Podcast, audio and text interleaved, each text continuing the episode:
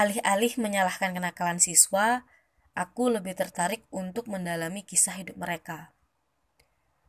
Seorang guru itu bukan hanya mengajar di depan kelas, memberi berbagai macam tugas, kemudian selesai. Perannya lebih dari itu. Dari tangan seorang guru bisa merubah seorang siswa jadi apa saja. Bisa saja berhasil ataupun gagal. Ada sejuta masalah dari mereka yang membuat aku banyak menarik napas. Bagaimana tidak?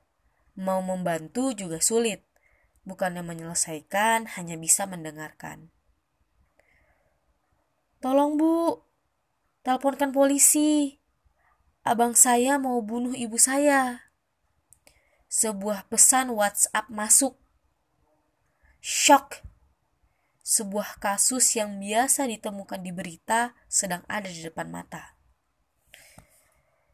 Seorang siswa tidak masuk-masuk sekolah tanpa kabar.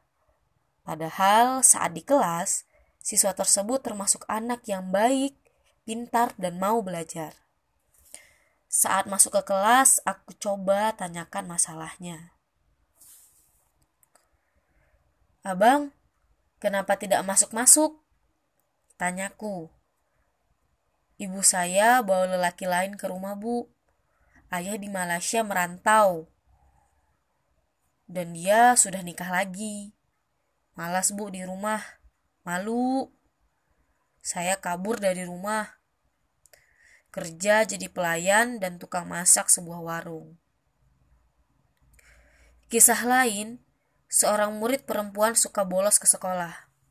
Sangat nakal menurut penuturan seluruh guru.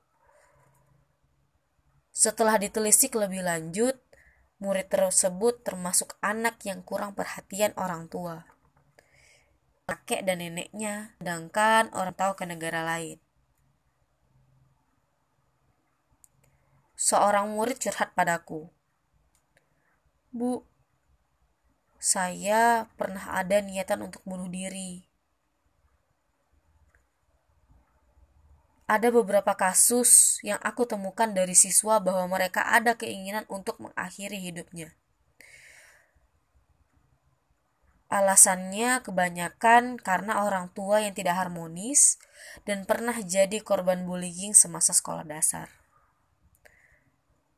Aku ingin menanyakan kepadamu, jika menjadi guru, ketika siswa menceritakan kisah-kisah di atas, apa yang akan kamu lakukan?